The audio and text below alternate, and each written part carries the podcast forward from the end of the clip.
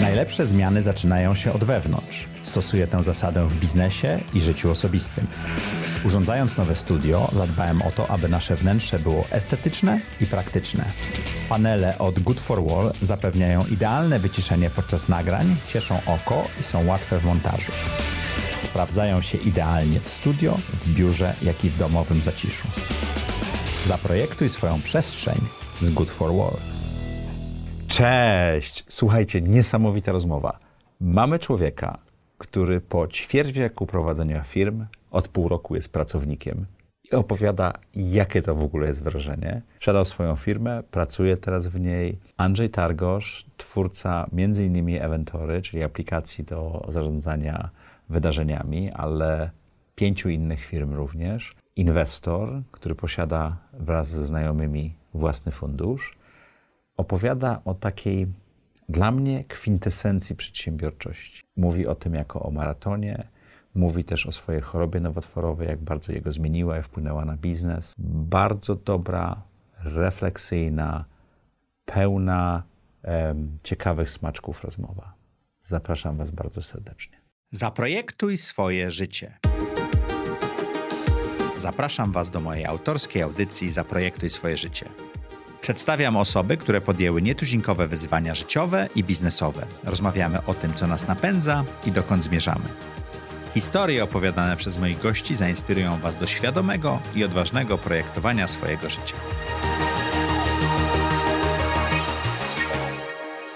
Cześć! Witajcie w audycji Zaprojektuj swoje życie. Jak co tydzień, w czwartek o czwartej. Zapraszam dla Was interesujących gości, zadaję im trudne pytania, próbujemy dojść do tego, co ich napędza i czemu są przedsiębiorczy. Jeśli jesteście tutaj pierwszy raz, oglądacie nas na YouTubie, koniecznie dajcie nam lajka, zróbcie suba, dajcie komentarz. Sztuczna inteligencja to lubi, a my lubimy sztuczną in- inteligencję. To samo można zrobić na Apple Podcast. Warto. Jeśli nie byliście jeszcze na zaprojektujswójbiznes.pl, tam dużo ciekawych rzeczy, między innymi nagrania z naszej pierwszej konferencji Zaprojektuj swój biznes. Zapraszam Was bardzo serdecznie. A dzisiejszym gościem jest Andrzej Targosz. Dzień dobry Państwu. Cześć Maćku. Dziękuję za zaproszenie. Bardzo się cieszę, że tutaj jesteś. E, Jesteś e, seryjnym przedsiębiorcą, który nic innego nie robił, tylko własne firmy. Jako ja nie lubię tego Ja określenia. wiem, ja seryjny prze- przedsiębiorca. przeczytałem, przeczytałem to w e, jednym z wywiadów, że tego nie lubisz, dlatego trochę tak pod włos użyłem tego. Czy prowokujesz? No tak. Tak. Faktycznie jest tak, że, że pierwszą pracę rozpocząłem pół roku temu jako pracownik, a, a moja historia zawsze była... Ty jesteś po- pracownikiem od pół roku? Jestem pracownikiem od pół roku. Jakie częściowo. to jest wrażenie? Dziwne. Mm, Dziwne, z jednej strony ciekawa lekcja, Mhm. z drugiej strony dużo takich kompromisów, które trzeba, e, na które trzeba patrzeć, obserwować. e, Trochę lekcji faktycznie z, z rozwijania firmy. Taka też świadomość tego, że nie na wszystko się ma wpływ po raz pierwszy. E, No inne doświadczenie. Mm, Nie Zupełnie. wiem czy moje, ale inne. Dobra, to poskrobiemy wokół tego pod koniec te, tej rozmowy, bo, bo my staramy się chronologicznie. Andrzej, jak do tej pory wyglądało projektowanie Twojego życia? W ogóle do tej audycji, którą przygotowałem, bo miałem taki cel, żeby się zastanowić, co chciałbym ewentualnie przekazać, o czym byśmy mogli porozmawiać. Wow. Nie wyszło mi przygotowanie, jak to zawsze wychodzi w takim chaosie i w życiu, y, bo mam wrażenie, że moje życie to jest dużo chaosu, ale, ale faktycznie ono się łączyło w sumie wokół dwóch rzeczy. Pierwsza to była przedsiębiorczość, bo zacząłem swoją firmę w pierwszą w wieku 17 lat z kolegą ze szkoły średniej. A to nie można jeszcze firmy no mieć nie jak można. się On już 17. mógł, a ja jeszcze nie mogłem. Czyli na słupa zrobiłeś pierwszą firmę. Teraz już mogę to powiedzieć. Tak, to, tak, to, tak to wyglądało. Mam przyjaciela, z którym cały czas e, gdzieś tam współpracujemy, mniej biznesowo, a raczej towarzysko i właśnie na niego zrobiliśmy pierwszą, pierwszą firmę.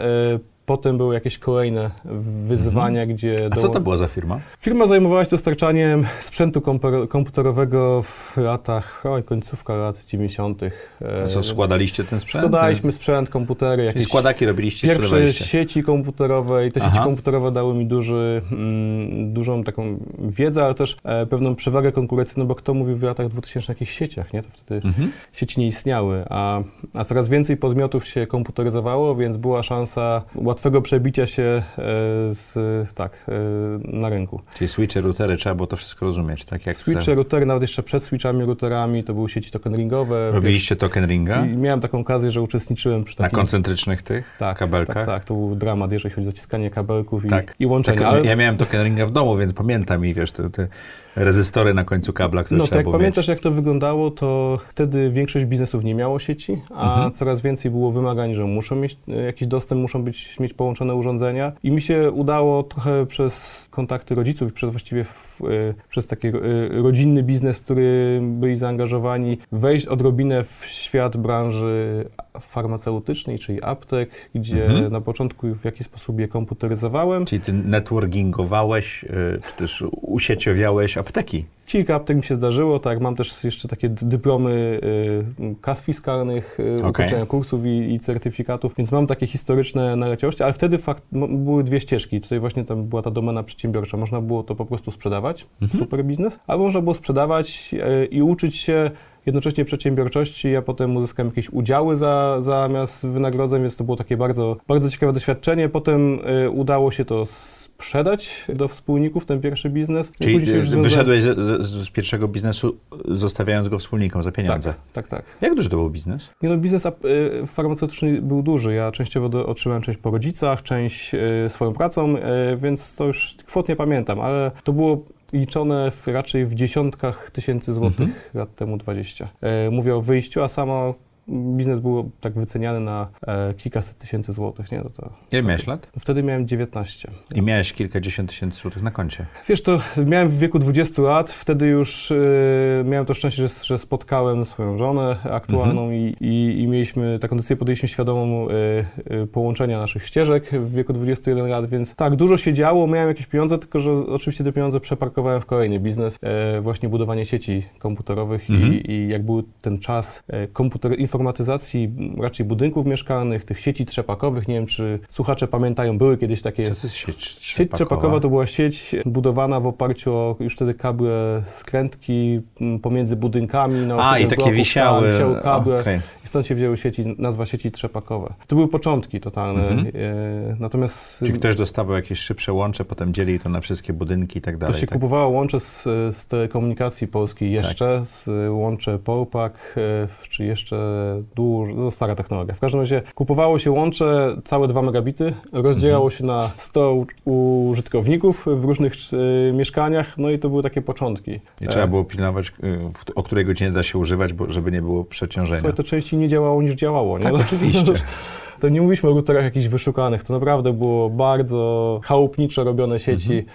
Ja pamiętam, że w 2001, nie, drugim roku, jak tam pierwsza moja y, najstarsza córka teraz już, e, już była już nawet nie, niemowlakiem, ale, ale niewiele po okresie niemowlęcym stałem z kolegą na dachu w zimie budynku w świętokrzyskim województwie i zostawialiśmy pierwsze połączenia radiowe 2002-2003 rok. U, I to już był rocket science jak na tamte czasy, ale pamiętam, że mi ręce prawie odmroziło wtedy, jak staliśmy na tym budynku i takie rzeczy No tak, bo to robiliśmy. wiatr A to i- były początki, nie? I tak, i mieliśmy taki, to jest moje kolejne e, to był twój drugi biznes. To był mój drugi biznes, wspólnie z kolegą, który aktualnie już jest, e, w, mieszka w Stanach Zjednoczonych e, i właśnie z tym moim przyjacielem, który nas Mhm. dołączył. E, budowaliśmy drugi biznes, sieci osiedlowe w małych miejscowościach.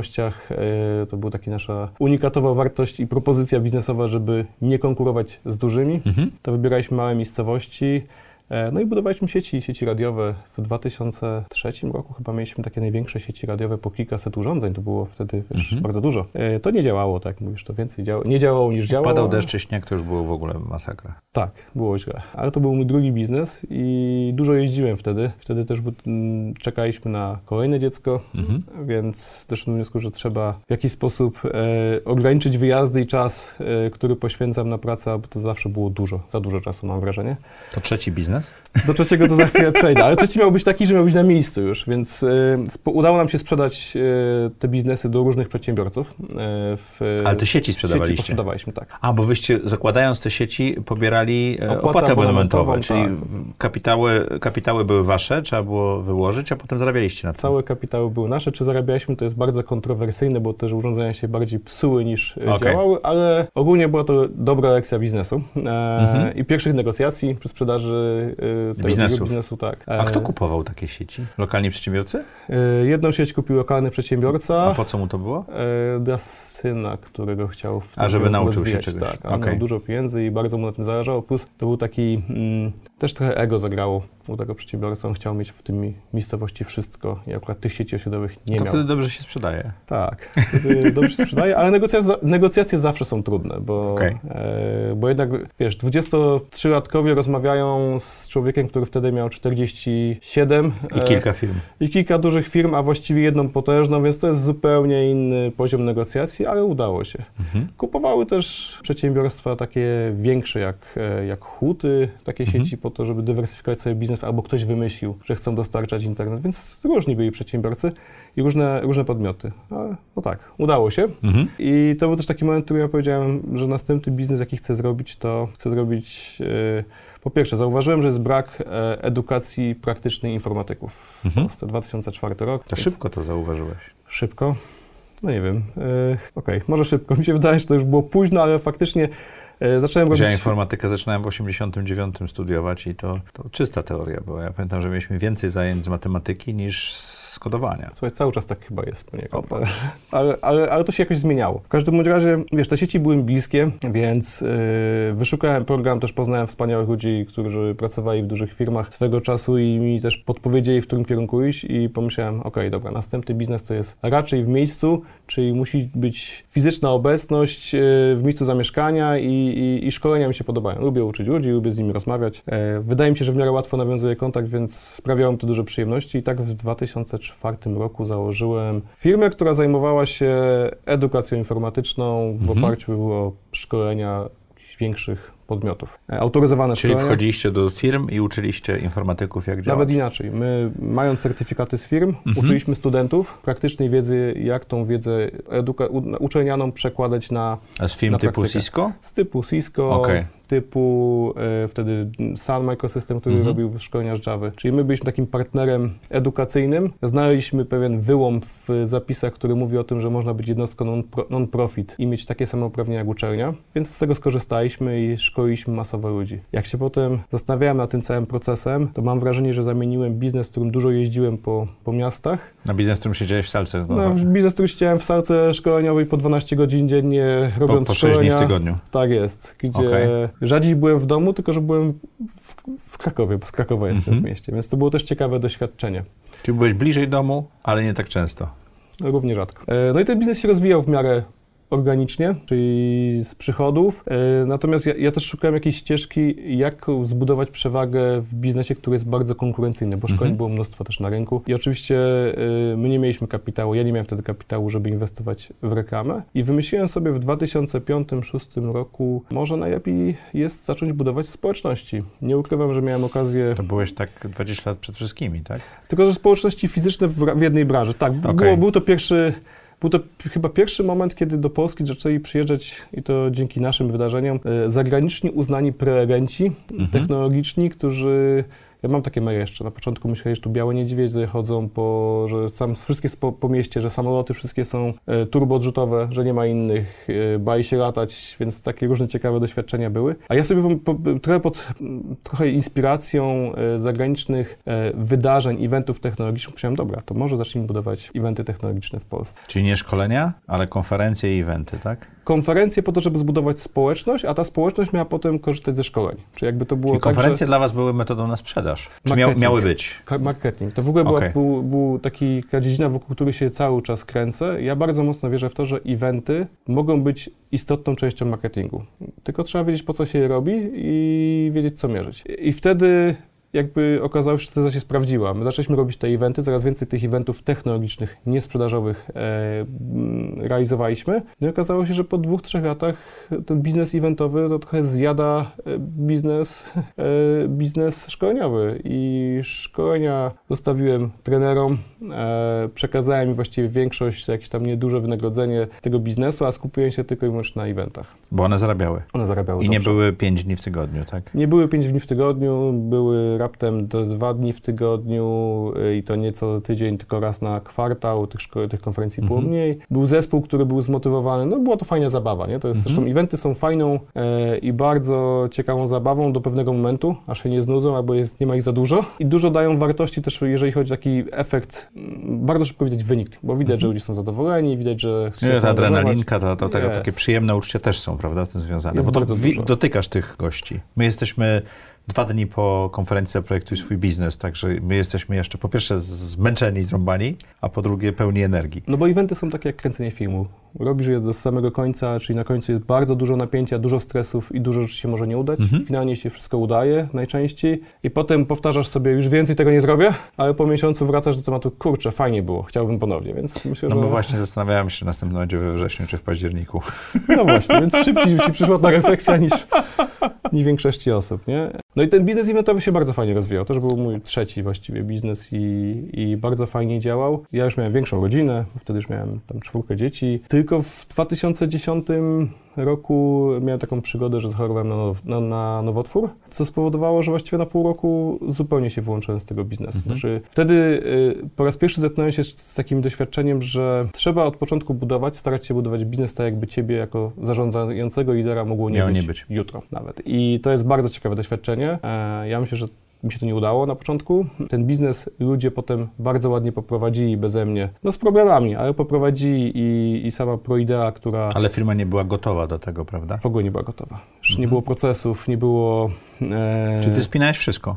Tak. To było, Ile to było osób? No w ProIdei, kiedy ja y, odchodziłem, w sensie odchodziłem, y, musiałem przestać ją prowadzić, to było około 50 osób. Czyli nie mała firma. Bez procesów to Już tak... się robiła Mhm. duża. Nie, tylko wiesz, to była y, taka firma z, dużym, y, z dużą świeżością i dużą energią. Tam zawsze było, ja nigdy nie dbałem o, znaczy ja, ja zawsze lubiałem powierzać ludziom odpowiedzialność, daję im duży kredyt zaufania, y, a potem ewentualnie staram się ich coachować, natomiast to nie jest tak, że mm, ta firma musiała, te decyzje musiały być jakby podejmowane ze mną. Ja raczej tylko stałem z boku, natomiast dużo rzeczy, przez to, że ja łączę fakty, spływało do mnie po to, żeby jakoś tą firmę prowadzić do przodu i żeby się Mhm. rozwijała. I większość pomysłów tak naprawdę eventowych to były jakieś tam moje pomysły po rozmowach z ludźmi. Więc tak, więc 2010 rok to taki, takie duże wyzwanie dla mnie też 11 walki wewnętrznej i prywatnej. Mm, Odejście trochę od biznesu i chwila przerwy od działania. A jakie było największe, bo ja teraz wiesz, uczę się tych konferencji, więc jakie było największe wyzwanie branży konferencyjnej wtedy i jakie jest teraz? Wiesz ja myślę, że się to wyzwanie, ono się bardzo...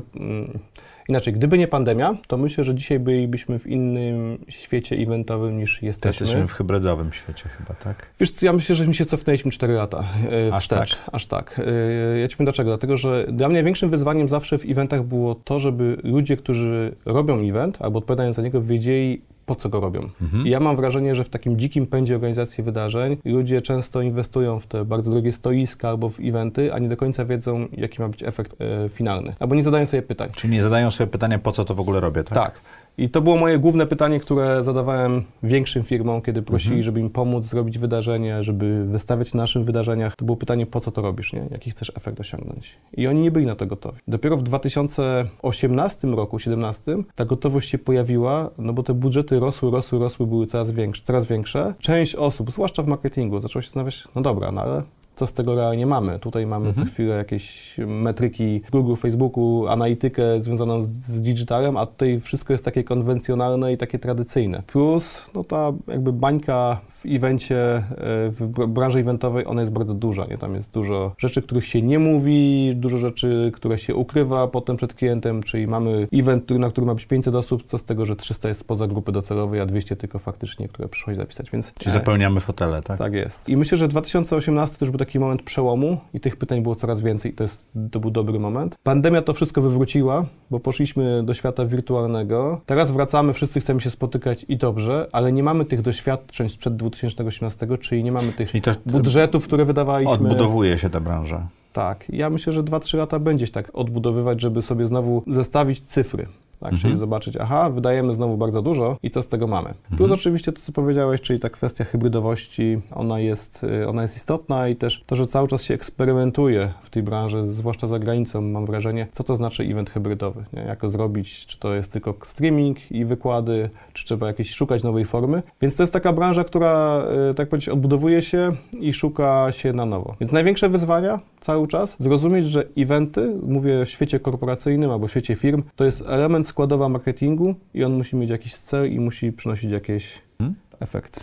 To co się stało, że byłeś chory i tak dalej, ale że z firmy, która działała operacyjnie i or, organizowała wydarzenia, postanowiłeś zrobić kawałek kodu, który w tym pomaga. Czy to był twój pomysł? E, wiesz co, bo ja zawsze byłem techniczny, jakby moje wykształcenie jest techniczne, e, zawsze mi się to podobało, po drodze miałem ileś tam przygód e, z dotykaniem e, kodu na pewno. Nie powiedziałem w sumie o tym, ale w, w trakcie tego życia przedsiębiorczego, o którym rozmawialiśmy, e, ja dość szybko się zachwyciłem mm, kulturą, dobrze rozumianą, bo teraz to się źle często rozumie, kulturą startupową, czyli łączenia technologii z biznesem. Mówię, Mhm. lata 2000... Czyli wynajdowania nietuzinkowych rozwiązań, o, bo Tak to jest. jest. to, jest to, o czym ty mówisz, jak mówisz o kulturze startupowej. Myślę, chyba. że to plus jeszcze inwestycje i cały ten rynek, Mhm. y, jak on działał za granicą i jak mógł działać w Mhm. Polsce.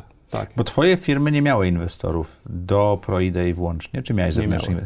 To były wszystko pieniądze, które wypracowaliście od tych aptek Tak. i sieci komputerowych sami. Tak, tak, tak. To było... tak, to się bootstrapping nazywa. Tak bootstrapping, bardzo ładnie, tak. E, Czyli wciąganie się za cholewy, wy- znaczy wy- wyciąganie się z błota za cholewy, tak? No to jest ciągła walka, nie? Jakby Tak.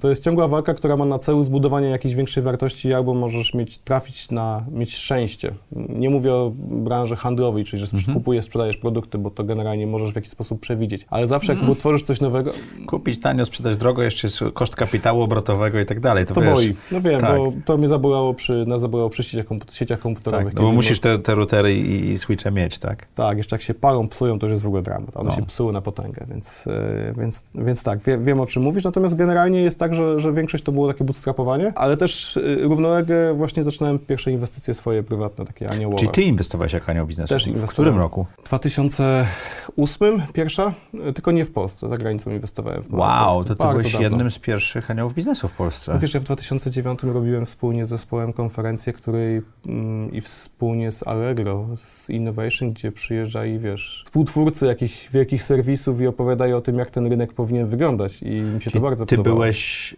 lata świetne do przodu. Byłem wcześniej, tak.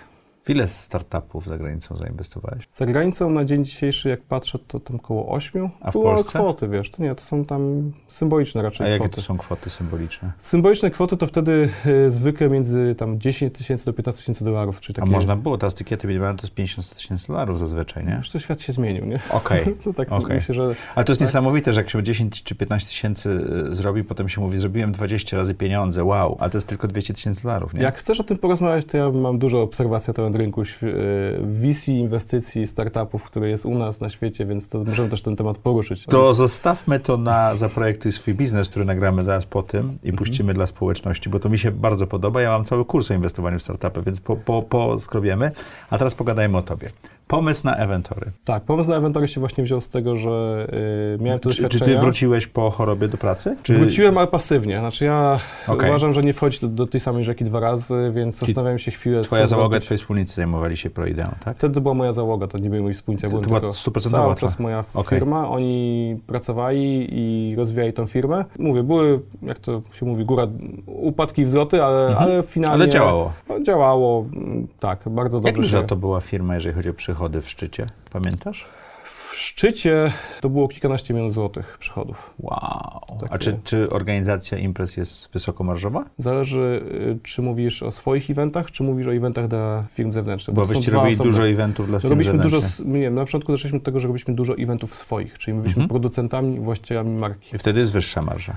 I wtedy masz, y, wtedy masz, wtedy wcale nie jest wyższa marża, bo dużo inwestujesz w, w, w produkt i w brand. Czyli Okej. tak naprawdę to jest raczej budowanie pewnej społeczności i ekspozycji. Docelowo wartością jest de facto marka, którą budujesz i ona, ona sama w sobie, tak, która kumuluje ten kapitał zablokowany, e, a dużą marżę masz na eventach korporacyjnych. Na tym dużo zarabiał ją firmy eventowe i to jest dobry kawałek biznesu na pewno. Czyli organizując dla dużych firm Tak, imprezy. i tutaj wiesz, tu jest taki, taki cały czas dyskusja o tym, czy ta marża jest duża. No marża jest na poziomie 15 do 20%, jest bardzo Mhm. duża. Niestety są takie praktyki, które pokazują, że nie każdy chce, to, chce tą marżę pokazywać. Znaczy, dla Mhm. mnie było od początku takie zało założenie współpracy z firmami, że mamy budżet, wydarzenia i to cały czas ProIdea próbuje robić. Plus do tego jest jakieś fee, jakaś opłata, 10% dla samej firmy za zorganizowanie. Oczywiście w ramach budżetu pokrywamy te wszystkie wynagrodzenia i tak dalej, i tak dalej. I powiem Ci, że to się strasznie źle przyjmowało na rynku. E, Że mam mówienie- ci zapłacić 10%? tak, bo oni, znaczy firmy za, za, zamawia, zamawiając często uważają, to wrzućcie to sobie w te koszty całości tej organizacji, ja już nie chcę widzieć, jaka jest wasza marża. A dlaczego? Ale Dla mnie to było oczywiste, że ja chcę być po waszej stronie. Ja chcę, żebyście widzieli, jaki jest transparentny budżet, tu jest moje fee i chcę, żebyśmy no tak działali uczciwie, transparentnie. No,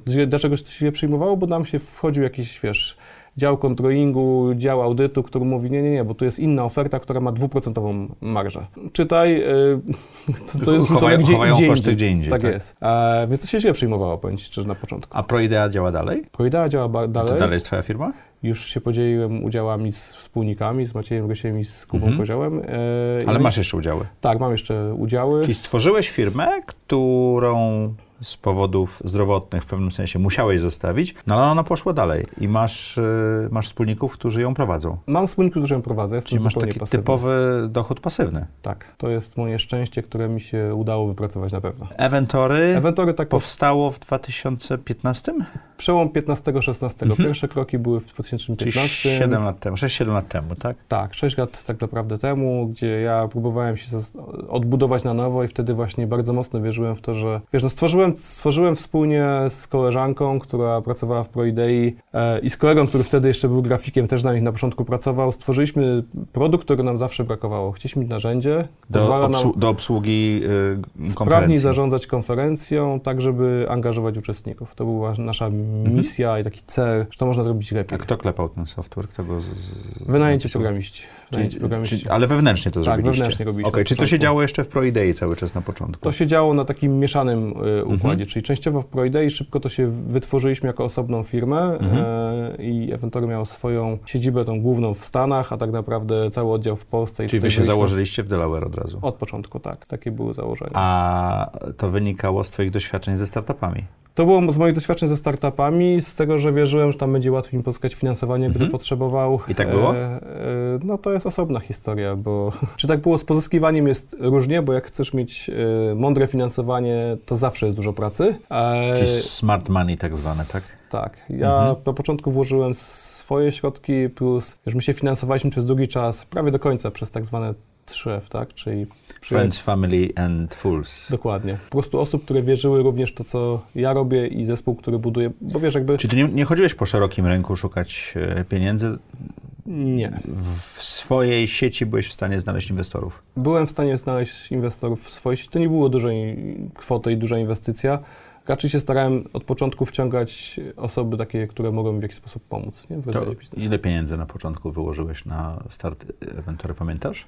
Nie, nie pamiętam, bo wiesz co, jak zacząłem, e, to ciężko się liczyło przez to, że ja nie robiłem biznesplanu. Ja w ogóle nie wierzę w, przy startupach w robienie w Excela, o tak może powiem. Jak, tak samo jak inwestuję, to Tak, nie, tak, tak, tak. nie wierzę w Excela. Excela to wszystko przyjmą. Nikt, tak, nikt, nikt ci tyle nie obieca, co Excel ci pokaże, tak? Znaczy Tak. nikt ci tyle nie dowierzy, co Excel ci pokaże. To, dlatego moja frustracja na właśnie na szukanie inwestorów takich Mhm. bardziej instytucjonalnych, zwłaszcza w Polsce, e, no była raczej dość duża, bo widziałem jak to wygląda z dwóch stron, mając też okazję koinwestować z jakimiś e, funduszami i miałem alergię na to, więc powiem Ci, że te pieniądze to, było, to była część oczywiście, dużo pieniążków e, kosztowało na początku, albo może na koniec, jak już to podsumowałem całościowo, natomiast no, najwięcej też czasu, nie, i pracy i Mhm. energii, którą człowiek poświęca founder. Takie sweat equity, tak? Tak, Czyli tak, takie tak. Wy, wypocone udziały, tak? wypłacone, no wiesz, kosztem rodziny, Mhm. kosztem dzieci, no to, to zawsze tak jest, nie? To, gdybym nie miał żony wspaniałych który, i, i dzieciaków, które są wyrozumiałe, to pewnie byłoby różnie. A To kiedy wiedziałeś, że Eventory zadziałało, że to jest to?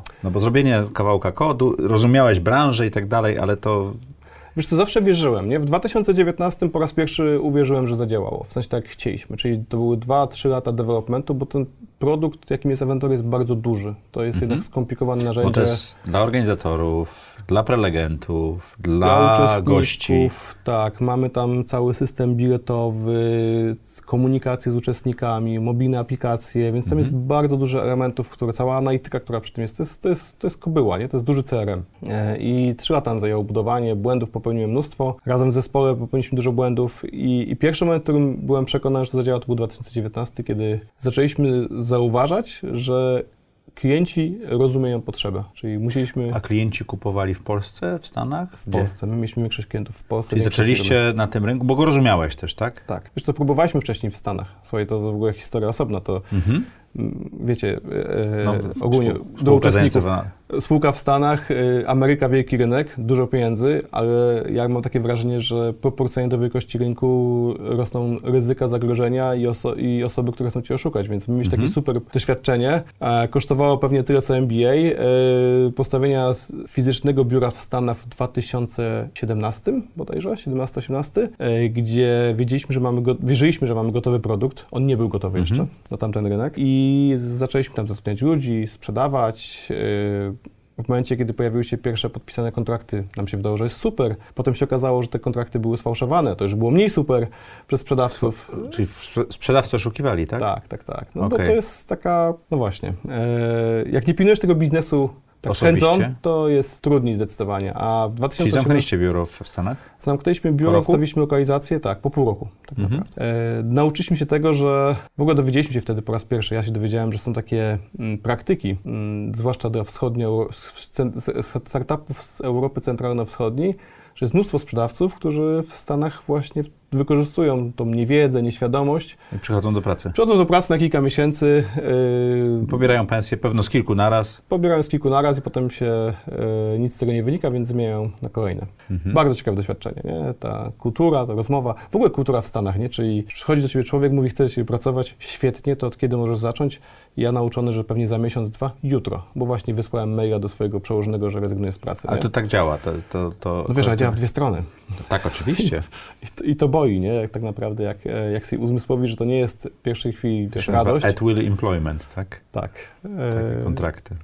Ale jesteście w Japonii. Jesteśmy w Jak to Japonii. się stało? Wiesz co, poznał nas człowiek, który nam pomagał trochę ze Stanów, który nas przedstawił e, do japońskiego partnera i zaczęliśmy działać w Japonii e, na początku pandemii, więc wiesz, dobry okres. Okej. Można było zdalnie to zrobić, tak? Można było to zdalnie zrobić, no wiesz, to dużo też szczęścia, nie, że jakby poznaliśmy tam partnerów, którzy są solidni, bo to są ludzie, którzy mają doświadczenie w biznesie, pracowali dla dużych korporacji, e, od początku wiedzieli, co chcą zrobić.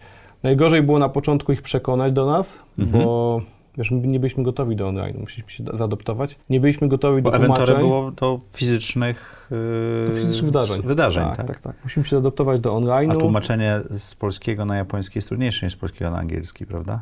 No layout musisz zmienić. Layout musisz zmienić, musisz zmienić, uwzględnić wszystkie kwestie związane z czcionkami i tak dalej, więc to była trudna praca. Mhm. Cała lokalizacja zajęła nam, teraz patrzę, około 7 miesięcy. Wow. Dwa miesiące nam zajęło przekonywanie partnera. E, to było niesamowite spotkanie, wiecie, to jest inna kultura, no naprawdę, słuchaj. Mhm. Rozmawiasz z człowiekiem, z tam z 4 czy tam 5 osób po drugiej stronie, oni się przełączają na japoński podczas rozmowy, potem na angielski, więc my mieliśmy no nieraz takie dziwne e, e, wrażenie, jakby już miało z tego nic nie wyjść. No, Mhm. Finalnie wyszło, zaczęliśmy współpracować, mieliśmy opóźnienia kwartał i finalnie po pół roku od podpisania umowy zaczęliśmy tam działać w Japonii z pierwszymi, z pierwszymi klientami. I dzisiaj już wiem, tyle się nauczyłem, jak stawiać biznes y, w Japonii. Łatwiej mi to przychodzi, jak się okazuje, niż w Stanach, więc, więc już takie mam doświadczenia, nie?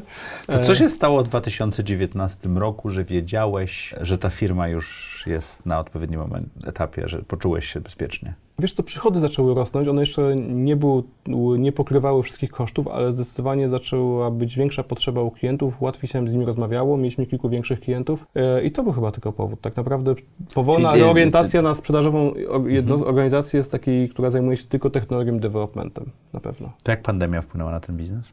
No dramatycznie, no bo e, my nie byliśmy gotowi, nie zakładaliśmy, że pandemia, no nikt się nie zakładał, że się pojawi. Nie zakładaliśmy, że będzie tak, tak długo trwała, mm, więc Przez dwa lata nie było imprez praktycznie. Przez dwa lata nie było imprez, więc my musieliśmy gonić szybko i na nas wpłynęła bardzo, bo my po pierwsze utrzymaliśmy załogę, Przez Mhm. czas całej pandemii to było ważne. Oczywiście było dużo zmian, bo były też zmiany w produkcie i tutaj, no mówię, gdyby nie mądrzy ludzie, którzy mnie otaczają, i moi programiści, i wspólniczka, i techniczne osoby, które nas, do nas dołączały, to prawdopodobnie byłoby ciężko, bo na przykład pandemia wywołała u nas zmianę metodologii. My Odeszliśmy od u- u- waterfalla łamanego przez Scrama w kierunku metodologii, którą korzysta, wykorzystują ludzie w Basecampie ShapeUp. Bardzo fajna Mhm. metodologia, jesteśmy nią zachwyceni u nas w Czym organizacji. się ShapeUp różni od Agile'u? Y, ShapeUp się różni w, w ten sposób, że y, jakby dzielisz sobie swoją pracę na takie cykle i przed cyklem, zanim zaczną coś pisać, to y, próbujesz znaleźć wszystkie czarne dziury w tym, co mają stworzyć. I to Czyli są takie szukasz krótkie... potencjalnych problemów, zanim zaczniesz pracować. Tak. Czyli unikasz tego problemu, że niby oni podążają w dobrą stronę, ale efekt końcowy po takim Agile'u, Scrumie może być daleki od oczekiwań początkowych. Mhm. Jeżeli sobie jesteś w stanie podzielić projekt na mniejsze części i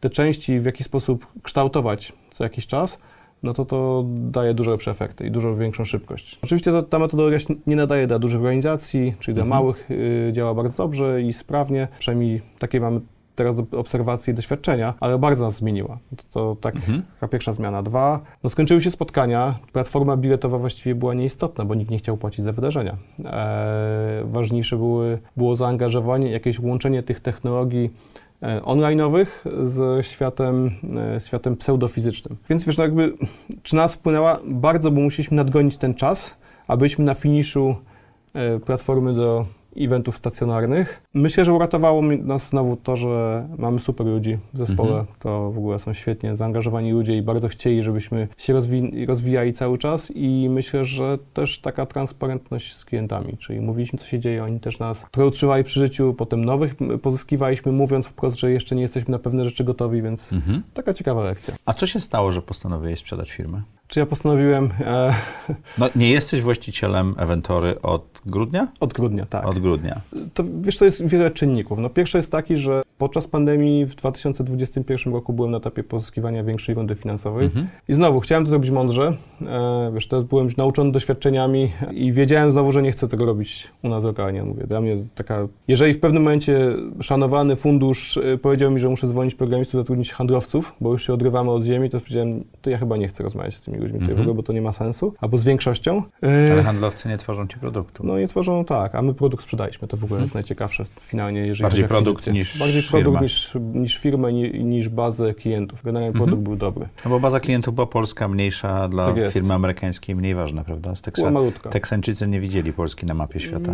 Nie widzieli, nie widzieli wartości w tym dużej, więc mm, tak, Okej. masz rację. I wiesz, i było tak, że miałem już y, ustawiony kontakt i wstępnie na rozmowy z osobą, która miała mi pomóc operacyjnie w Stanach i miała zainwestować środki, ale niestety zmarło mu się na COVID. Takie sytuacje się zdarzają, więc ja na właściwie miesiąc przed moim wyjazdem na tam urlop y, z rodziną, który dla mnie zawsze był ważny, mimo że z komputerem ciągle jeżdżę, to zawsze był ważny, żeby chociaż trochę się oderwać. No stanąłem przed momentem, kiedy rozpocząłem procesy jakieś tam rekrutacyjne, prace, inwestycje, a jednocześnie wiemy, że musimy od nowa pozyskać fi finansowanie. Więc spędziłem dwa tygodnie wakacji siedząc w telekonferencjach, rozmawiając e, i miałem jakąś tam opcję awaryjną, nową, Znowu też fajni ludzie, chyba uczciwość przy komunikacji to bardzo pomaga i byli chętni się zaangażować, również ze Stanów. A po drodze wydarzył się, nie wiem, czy przypadek, czy tak miało być, zostaliśmy gdzieś tam pod koniec czerwca zauważeni przez osobę, która zajmowała się akwizycjami właśnie w firmie SixConnex. Bo I co to robi było- Six Connect? SixConnex robi e, wirtualne wydarzenia, nic innego, czyli Mhm. oni robili, zrobili taką 3D e, immersive reality, w- coś ala dla wydarzeń online i oni strasznie urośli szybko podczas pandemii. A wy mieliście tą część, której oni nie mieli, czy zarząd- zarządzanie Fizyczne tłumem, tak? eventy plus y, 2D, więc Mhm. generalnie to pasowało. I oni za, zaczęli z nami rozmowę, też jest ciekawe, jako partnerstwo biznesowe. Wiesz, ja takich pytań to miałem mnóstwo. Co tydzień miałem jakieś private equity, które przychodziło, mówiło chętnie was kupimy, a potem to się kończyło tak jak zawsze, czyli, czyli niczym. Więc zaczęliśmy rozmowę i niespecjalnie w tym jakieś nadzieje pokładałem, ale też transparentnie komunikowałem do pozostałych osób, które były przy stole, jeżeli chodzi o inwestycje. No i wiesz, i w sierpniu oni nam powiedzieli tak w sumie e, po już tam rozmowach, że oni To wszystko było zdalnie. tak, oczywiście zdalnie. Że produkt im się podoba, w ogóle cała transakcja się odbyła zdalnie. Słuchaj, do końca transakcji praktycznie się nie widzieliśmy, tylko się spotykaliśmy na kolach. A spotkałeś już ich? Tak, tak. Spotkaliśmy jeszcze przed zamknięciem transakcji, bo przyjechali do nas. e, do Polski. Taki, do Polski, tak, mhm. na takie tygodniowe spotkanie. No i potem oczywiście tych spotkań było nam już e, więcej. Ale wiesz, ale ciekawe było to, że oni nas we wrześniu, w, w sierpniu przyszli z, z propozycją, że w sumie to my byśmy chętnie was przejęli, a nie... a nie, a nie partnerstwo. Nie, tak, nie partnerstwo. No, no dobra, nie pierwszy raz to słyszę, więc nie ma problemu. No nie, nie przejąłeś się Nie przejąłem się w ogóle tym specjalnie, aczkolwiek wiesz, pierwsze sygnały, tak mówię, kurczę, może to jest dobry kierunek. E, no i, i, i, co, we wrześniu odezwali się do nas właśnie z z propozycją akwizycji, z, z, połączenia. Ja jeszcze nie byłem pewny, czy to jest, e, czy to jest faktycznie kierunek, który obierzemy, ale zaczęliśmy rozmawiać. Podpisaliśmy mhm. jakieś wstępne dokumenty końcem sierpnia, e, które zobowiązały nas do zachowania poufności. E, no i dużo rozmawiałem z, z, no, najpierw z żoną, potem z, z, wspólnikami. A oni mieli pieniądze wypracowane, czy od inwestorów? Bo to mieli też swoje pieniądze wypracowane. Bo, to jest, taki... bo to jest inna rozmowa z kimś, kto właśnie pozyskał fundusze, a z kimś, kto zarabia, prawda? To jest inna rozmowa, ale to też jest inny taki... Mm, rodzaj inwestora. Tak, to jest taki rodzaj inwestora, który jest private equity, kupuje firmy, które świadczą usługi software'owe w branży y, głównie B2B jakieś, y, mhm. dziedzina, to nie branża, ale dziedzina, e, no i stara się na tym zbudować biznes, mhm. czyli takie nietypowe private equity i tak właściwie przejęli to Six Connect, czyli Six Connect przejęli trzy miesiące przed pandemią, a potem wystrzeliło po prostu mhm. jak rakieta. E, no a brakowało mi tego komponentu. E, I zaczęli z nami rozmawiać, zaczęliśmy potem robić ten cały proces due diligence, e, bardzo długie dyskusje. Mieliśmy zamknąć to bardzo szybko, bo planowaliśmy zamknąć całość październiku, mhm. e, czyli to, to jest turbo szybki okres. Wrzesień, październik, trzy, niecałe trzy miesiące, dwa miesiące, Dwa tak? miesiące, tak. I, I to by się pewnie udało, gdyby nie tam tysiąc dyskusji, weszli prawnicy i, i, i, i kropka. Ugrzęźliśmy, tak? tak, ugrzęźliśmy w dyskusjach, które... Ja to się śmieję, że jakbym popatrzył na na ten czas, który poświęciliśmy, to chyba szybciej było napisać te umowy, niż działać na jakiś od zera, niż działać mhm. na jakichś wzorach, które przygotowali. Znaczy, no dużo wsparcia z jednej strony, e, no i taka gra jest między prawnikami a, e, a nami. Ja... Pamiętajmy, że prawnicy pilują za godzinę, tak? Tak. Im poświęcę osobną książkę. Tak. Albo osobny rozdział w książce na pewno, bo to jest, to jest a bardzo... będzie książka? Będzie książka na pewno, tak, tak, tak. Mam takie przemyślenia, że chętnie się podzielę wiedzą, którą zdobyłem e, z całej przygody e, budowania startupów. Znowu w tej... Wiesz, ja między, między innymi o tym nie mówiłem, ale to też ważne, że ja między innymi tego w 2018 z znajomymi z Wojtkiem Burkotem, Pauliną Mazurek, Oskarem Grzegorczykiem założyliśmy fundusz taki mało znany mhm. w Polsce, który raczej szuka technologicznych projektów, e, trochę w odpowiedzi na nie, które jest na, na rynku tak e, tytułem komentarza. Ale w Polsce szukacie y, targetów, czy na całym świecie? Wiesz, to szukamy mm, na całym świecie, ale najwięcej mamy z Polski, bo my -hmm. szukamy... To taki network, tak? Tak, nas przychodzą firmy, które zazwyczaj dostały nie od innych funduszy, no bo inne fundusze, jak się znają znowu tych Excelach kochanych, no to o technologiach wiedzą niewiele. Ja wiem dość dużo, ale partner w naszym funduszu, czyli Wojtek Burkot, jak tworzył wcześniej Motorola w Polsce, potem Google Inżynierskiego, to on wie dużo i faktycznie -hmm. dobrze wybiera projekty i potrafi ocenić, czy dany projekt ma sens od strony technologicznej, czy nie. Co jest dość nietypową e, umiejętnością mhm. w naszych funduszach e, inwestycyjnych. Ale wracając do tego całego naszego biznesu, no to właśnie pojawili się,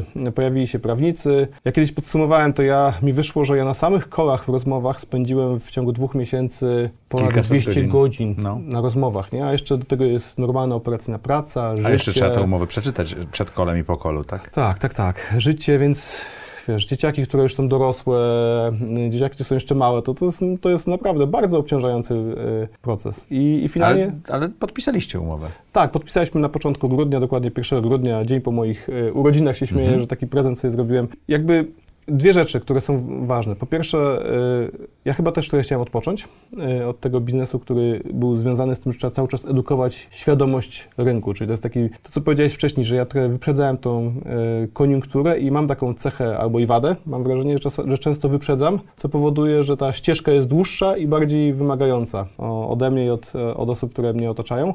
Tak, dwa... Ale zdecydowałeś się pozostać na Ernaucie? To tak. była część umowy, czy twoja decyzja? Wiesz to, nie, to, to, jest część umowy, bo to jest taka normalna praktyka, że część kwoty mhm. się płaci na początku, później resztę. Mhm. E, ja się zdecydowałem, bo chciałem zobaczyć, jak to będzie wyglądać. Nie? Jakby to jest jednak twór, który bardzo dużo się angażowałem czasu, pracy, nerwów. Też są tam ludzie, którzy jeszcze prac, pracują, zostali. Ja jednak jestem taki, że e, dbam o te relacje i jakby dla mnie ludzie są ważni, bo bez nim mhm. tego biznesu nie zbudował. Nie? Jakby to kropka, nie? jeżeli chodzi o, o, o, o firmę. E, I też chciałem, żeby w jakiś sposób zadbać na, na, na tyle, na ile mogę e, w tej organizacji, bo teraz właśnie patrzę jako osoba, która jest e, raczej takim konsultantem niż zarządzającym, no bo ja już nie mam zespołu. To ile osób dołączyło od inwestora do spółki?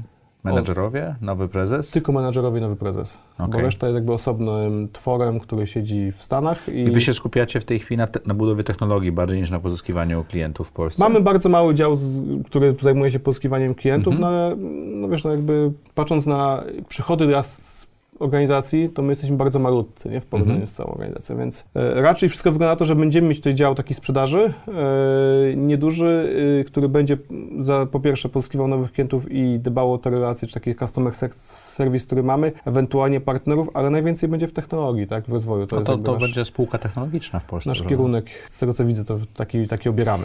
To twoje perspektywy po dwudziestu kilku latach e, budowania biznesów, naliczyłem cztery albo pięć, nie wiem, gdzie się pomyliłem, które ty sam bud- Mhm. budowałeś plus inwestowania. Jak to jest być pracownikiem przez sześć miesięcy po raz pierwszy w życiu? Takim, który no, jeszcze masz jakieś powiązanie z wynikiem i tak dalej, bo zakładam, nie znam umowy, ale zakładam, że tam są jakieś takie zapisy, ale takim, który, którego słowo nie jest, wiesz, w 100% wiążące. Wiesz, to dziwnie jest. To jest, e, to jest, e, to jest dziwne doświadczenie.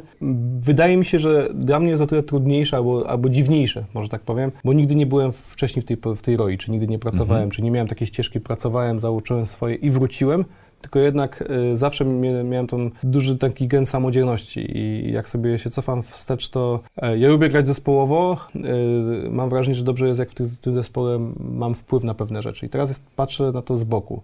Myślę, że mi trudno ocenić teraz jeszcze, jak, jak się czuję jako osoba, która pracuje, bo to, co powiedziałem... Czyli za rok, jest- za dwa, jaką książkę napiszesz, to się dowiemy. nie, myślę, że za pół roku już będę więcej wiedział, bo będę wiedział też mniej więcej, y, w którą stronę podąża firma, bo będę wiedział, jakby te zmiany w większej organizacji, je widać dopiero po jakimś czasie. A czy, czy bierzesz pod uwagę to, że zostaniesz, pomimo, że tam będziesz miał wszystko wypłacone, zostaniesz dlatego, że to jest twój twór? Trudno mi powiedzieć teraz, wiesz, bo jakby to jest tak, że eventy zawsze były częścią mojego życia. Mhm. I tu jest y, taki zgrzyt, że tu mam największe kompetencje, Mhm. rozumiem jak to wygląda, mam też jakieś poczucie misji. To się śmieję, żeby te eventy były tą częścią marketingu, ja bym chętnie ludzi edukował właśnie, więc tutaj jest ta, ten element misji. E, dlaczego powiedziałem, że trudno mi powiedzieć, bo też taki moment po 20 latach prowadzenia firmy, że chcę trochę odpocząć, tak sobie postawiłem taki, A czy sprzedajesz za tyle, że już nie musisz pracować?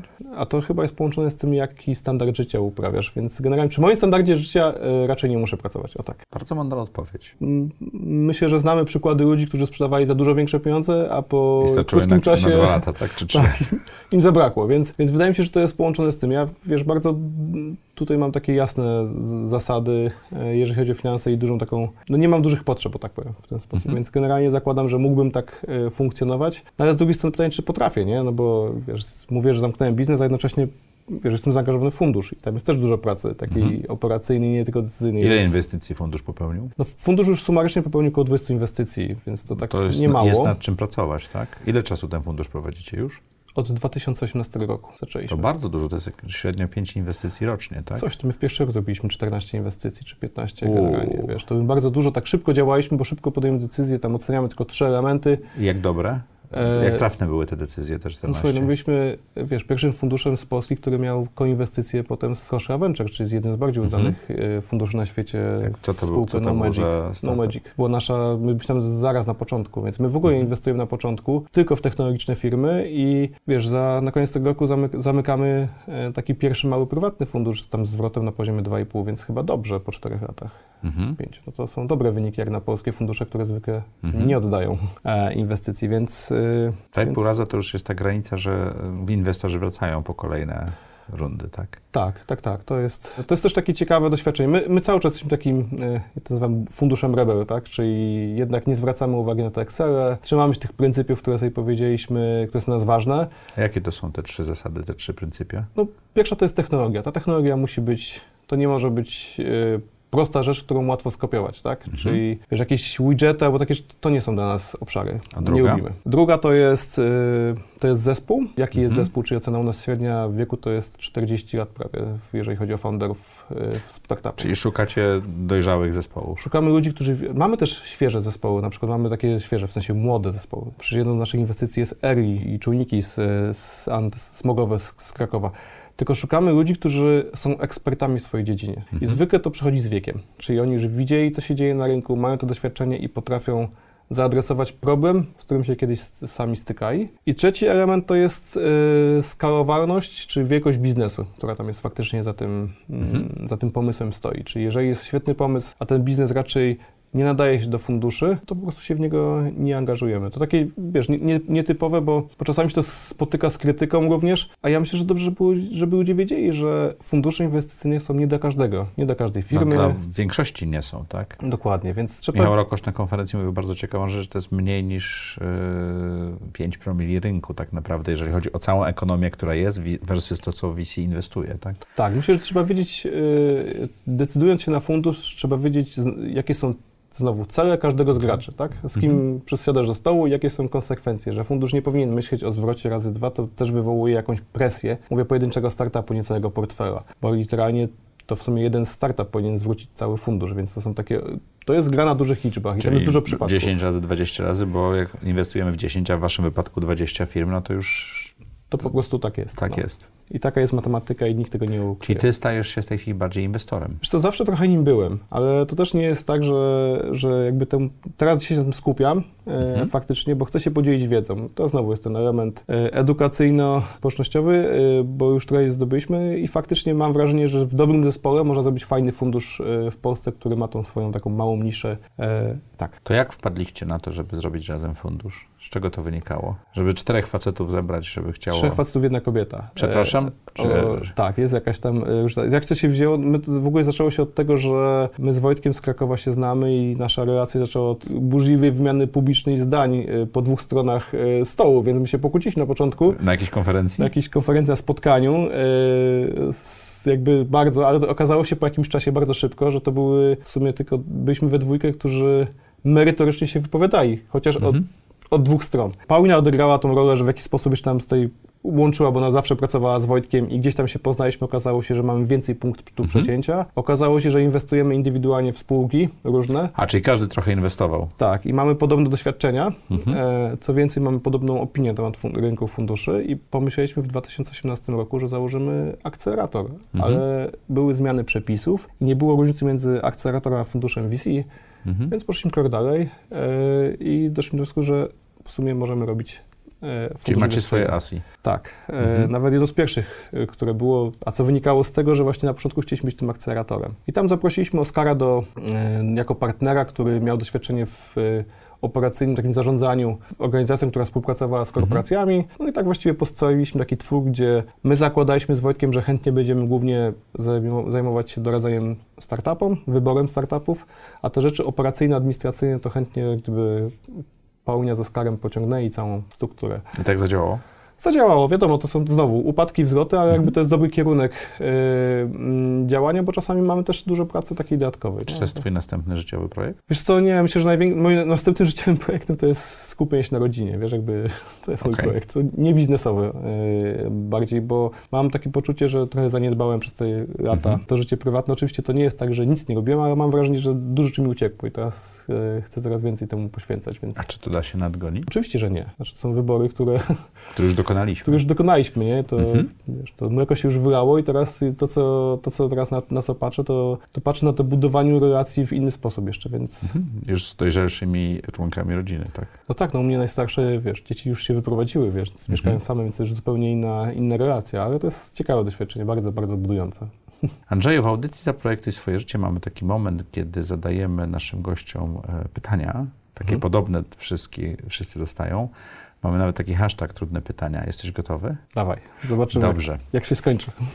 Czy, czy możesz opisać najlepszą decyzję, jaką podjąłeś w życiu? To jest pytanie, czy decyzję biznesową, czy, czy, czy, czy prywatną. Myślę, że to jest tak, że na pewno wybór ludzi, tym tak ogólnie, z którymi żyjemy. A jakoś taką jedną bardziej konkretną. Wiesz, prywatnie na pewno, na pewno decyzja o tym, że związałem się z osobą, która mi pomogła przez te wszystkie rzeczy przejść, nie? To mm, relatywnie szybko tę decyzję podejmowałeś. Proszę? Relatywnie szybko w życiu podejmowałeś. Wcześniej. Wcześniej, wcześniej, szybko, wcześniej, ale, tak, wcześniej. Ale, ale, tak, y, wcześniej, jakoś byłem gotowy i, i to super.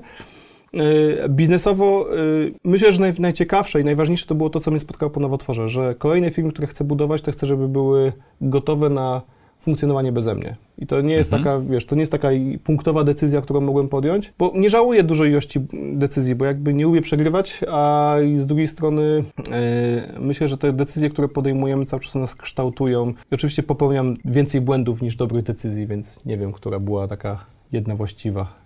Nie mam takiej. Co daje ci najwięcej energii czy satysfakcji w życiu?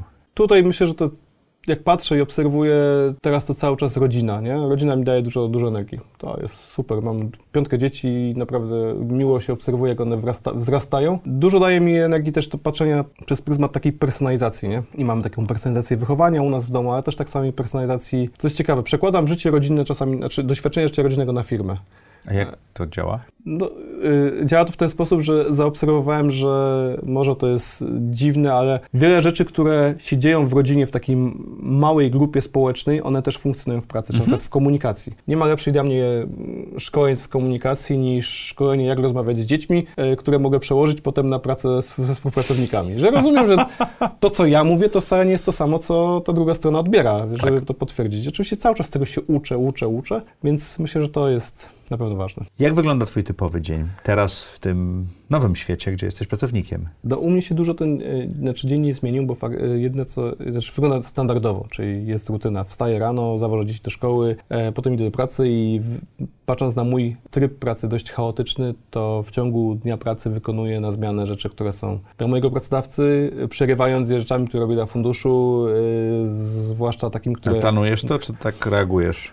Reaguję. Ja nie, mhm. nie wiem, jakoś jak nigdy nie wierzyłem w work-life balance, tak samo nie wierzę w, plan, w, planowanie takich rzeczy, które wychodzą spontanicznie podczas dnia pracy, bo wychodzą okay. takie małe pożary, które po prostu trzeba gasić i których w życiu nie jesteś Tym bardziej, że masz biznes i w Japonii i właścicieli w Stanach, tak? Tak, a tutaj się skupiam na tym, co jest lokalnie i też zawsze wychodzą jakieś różne emocje, które się pojawiają e, w ciągu, w ciągu dnia pracy. I wiesz, koło 6 wracam do domu i, i, i próbuję się, mówię, odłączyć mhm. E, od pracy i skupić się głównie na rodzinie, nie? bo jakby mam takie poczucie, a że... A 6 to jest wcześnie czy późno? No teraz to jest wcześnie, kiedyś to było, e, w sensie teraz, teraz to już jest, teraz jest okej, okay, może tak nazwijmy.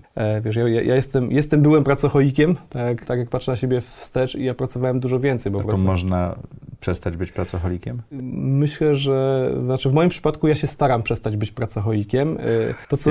Ja staram się być szczupły, nie wychodzi mi od 20 lat. Ale nazywasz to. No ostatnio z żoną mówimy, że najważniejsze jest nazywanie pewnych rzeczy, bo to już jest pierwszy krok do zmiany. No tak, bo, bo zaczynasz rozumieć, y, gdzie, gdzie jest problem albo coś, co uwiera, tak? Tak, tak, tak. Więc ja sobie to, naz- sobie to nazywamy, ja sobie nazywam, nazywałem to, że właśnie, że, że jestem, mówię, byłem, bo, bo jednak cały czas staram się odejść od tego, mhm. od tego y, myślenia po to, żeby właśnie w jakiś sposób nadrobić relacje, nadrobić stra- czas stracony z, z rodziną na, stracony, przełożony na biznes, częściowo stracony. Stracony z rodziną, tak. a... a biznes tego coś y, y, uzyskał, więc, więc myślę, że tak, można docelowo dążyć do tego, żeby przestać być pracocholikiem. Tak jak powiedziałem, ja, ja, wcześniej, ja wcześniej dużo pracowałem. Ja pracowałem po, wracałem do domu o 6 właśnie tak samo, tylko że potem spędzałem czas z rodziną. O 9 wieczorem siadałem z powrotem do komputera, siedziałem, pracowałem, siedziałem przy komputerze, pracowałem do pierwszej, drugiej, trzeciej, spałem przez 4 godziny, to mnie doprowadziło do nowotworu. Yy, Ile teraz śpisz? No teraz jest lepiej, bo teraz śpię około 6-7 godzin i, i, I wystarcza i powinno mi to wystarczać. Tak. Okay. Znaczy, jak 7 godzin to już jest super. A to wynika z tego, że tak się budzisz, czy tak późno chodzisz spać, czy... Nie, myślę, że tak wynika z tego, że to już jest taki, tak się budzę, tak późno chodzę spać, ja wolę pracować wieczorem okay. niż, e, niż rano i dla mnie taka, takie 7 godzin to już jest wystarczające. E, no mówię, było inaczej, jest dużo lepiej, no przy czym... To duża przemiana. Duża przemiana. A pytanie czym, było typowy dzień pracy, tydzień tak, pracy. Tak? E, przy czym, przy czym no, nie da się inaczej pracować, bo inaczej, bo, bo w ogóle prowadzenie firmy to jest też tak, że to jest duży element stresu i, i rozmawialiśmy na tym ofie, mhm. e, o tym, że e, tuż przed spotkaniem, że to jest, że człowiek, który prowadzi firmę, to, to ma podobne doświadczenie jak żołnierz na wojnie, kiedy może być atakowany w dowolnej porze dnia i, godzi, dnia i nocy o dowolnej godzinie z różnymi mailami i człowiek żyje w takim stresie, mają podobny syndrom stresu pourazowego, się po kilku latach prowadzenia firmy, zwłaszcza tak rozmawialiśmy, jak się prowadzi w różnych miejscach działalność, to rano się budzimy, a tam jest grad mail. I teraz zachowanie pewnej higieny życia i pracy mhm. jest bardzo trudne, nie? I, mhm. i, i, myślę, że trzeba dążyć do tego, żeby się w jakiś sposób od tego uwolnić. Powiedziałem, że nie wierzę do końca w, mm, w work-life balance, mhm. bo też mam takie wrażenie, że są takie modne słowa, takie stwierdzenia. Zachowaj sobie work-life balance. No jak zachować work-life balance, jak jesteś na wojnie? No tutaj jakby ciężko to zrobić. Możesz po zakończeniu jakiegoś etapu. Czyli prowadzenie firmy nie jest takie proste? Myślę, że prowadzenie firmy jest bardzo stresujące i nie jest proste. Bardzo stresogenne dużo, samo w sobie, prawda? Tak. Dużo trzeba rzeczy się nauczyć, dużo więcej odpowiedzialności brać na siebie. Myślę, że ważna jest odpowiedzialność. Chyba nie można też wyłączyć tego nigdy, nie? Nie, nie ma takiego momentu tak. W ciągu dnia czy w ciągu y, tygodnia, że można przestać pracować. Ja, no, ja, ja, ja, to tak odbieram u siebie. No nie możesz zamknąć komputera i powiedzieć, nie obchodzi mnie to, bo to ma wpływ na ileś rzeczy, ileś zjawisk, ileś mhm. osób, które, ileś żyć, tak naprawdę ileś rodzin, więc cały czas żyjesz tym i pomysły przychodzą w różnych momentach, y, lepszych, gorszych i dobrze jest czasem pociągnąć tą e, myśl, nawet samym ze sobą, ale to może być moment, w którym na przykład, nie wiem, rozmawiasz o bardzo ważnej rzeczy ze swoim dzieckiem i teraz y, no nie jesteś w stanie w dwóch momentach y, poświęcać 100% uwagi na jedno i na drugie, więc to jest bardzo, bardzo trudne i bardzo stresujące. Co mogłeś przestać teraz robić? Co poprawiłoby twoje samopoczucie albo spowodowało twój rozwój? Nie wiem, wiesz, jakby tak sobie, sobie ostatnio myślę, co mógłbym przestać... E, Ale zastanawiasz się nad tym? Tak. Okej. Okay. Tak. Taki moment w życiu też masz dobry na to. Myślę, że, myślę, że na pewno mniej zwracać uwagę na działania innych osób. To na pewno to mhm. jest, to, tak, myślę, że to jest e, ważne. E, myślę, że powinien się przestać przejmować też pewnymi rzeczami w pracy, bo one się po prostu dzieją e, mhm. i na pewne rzeczy nie mam wpływu. Czyli co, co jest modnym frazesem, nie przejmuj się rzeczami, na które nie masz wpływu, E, staram się wdrażać jakoś w życie, ale żebym powiedział, że to jest jakaś jedna rzecz, to chyba ciężko mi wskazać. Jaką masz supermoc? To jest trudne pytanie. Nawet się zaś, zaś, zaś, zaśmiałem e, w weekend, bo rozmawiałem z żoną, że prawdopodobnie to pytanie padnie do, do mnie. Pada do wszystkich za, do, do, wszystkich pada i ten, no to odpowiedziałem, no widzisz, no to się zastanów teraz. I, i A nie dostajesz żadnej podpowiedzi? Nie dostałem podpowiedzi, nie dostałem żadnej niestety. Tak, a pierwsza rzecz, która ci Tak, pierwsza rzecz, która mi przychodzi do głowy, to, to jest to, że ja po prostu umiem, y, jestem dobrym chyba obserwatorem i łączę sobie rzeczy między sobą. To jest moja taka Łączę kropki. Łączę kropki, tak, ale to są też kropki, to są zdarzenia, to są ludzie y, i to też powoduje, że w jakiś sposób łatwiej mi jest przewidzieć, co się wydarzy w biznesie. Tak. Okay. Andrzej, jesteś w takiej niesamowitym momencie w swoim życiu, bo teraz się dużo zmieniło i ten, więc to pytanie może być bardzo łatwe albo bardzo trudne. E, czy możesz opisać trzy rzeczy, które chciałbyś robić za trzy lata? Ta niedokonana forma czasownika jest ważna. E, myślę, że chcę podróżować dużo mhm. Mm, z rodziną, bo mam takie doświadczenie, że podróże w sumie najlepiej, najbardziej kształcą i, mhm. najbardziej uczą. To na pewno. Co chcę robić? Myślę, że chcę y, docelowo mniej pracować y, mimo wszystko. I co? I, i, i, i chyba dwie mam, nawet nie mam trzech. Wystarczy.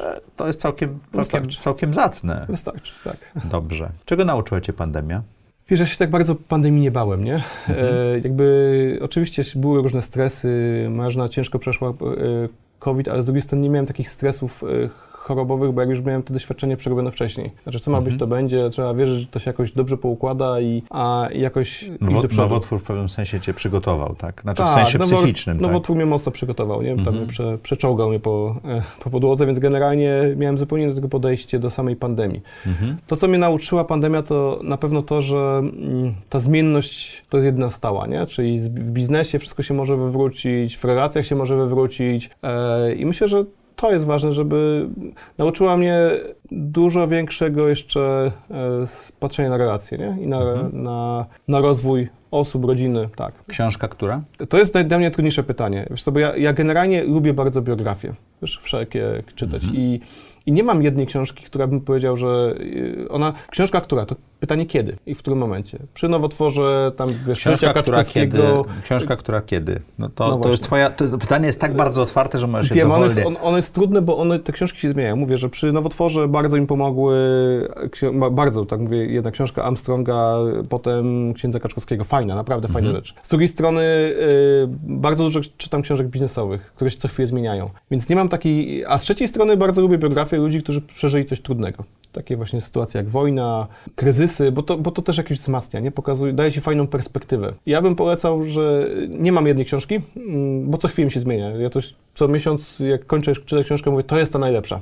To ostatnia? To pod, pod, pod, pod, podkręcę trochę, żeby dostać Dobra. jakąś odpowiedź. Myślę, że kreatywność, yy, czyli twórców Pixara, książka mhm. bardzo fajna, fajnie mówi i, i i czytałem jeszcze, tylko to jest trochę bardziej podane w formie marketingowej, ale mimo wszystko ciekawie się, cie, ciekawa metodologia EOS, która pozwala Ci inaczej spojrzeć na zarządzanie firmą, tak może. w Okej. ten sposób, ale to z ostatnich. Andrzeju, co chciałbyś, żeby widzowie i słuchacze audycji Zaprojektuj swoje życie zapamiętali z tej naszej rozmowy? To chciałbym, żeby zapamiętali, że prowadzenie firmy to jest maraton, nie sprint, że to jest trudne, żeby też zdawali sobie sprawę, w co się pakują, jakie tego będą konsekwencje. Myślę, że pamiętaj o relacjach, e, ważne, no i raczej się, jak w coś wierzą, to żeby to robili, nie skupiali się na wszystkich e, sygnałach, które są wysyłane z zewnątrz e, na temat tego, co robią. Chyba tyle. Dziękuję Ci ślicznie Dziękuję Ci bardzo. i dziękuję Wam, jak co tydzień, w czwartek o czwartej. Zapraszam do audycji Zaprojektuj swoje życie.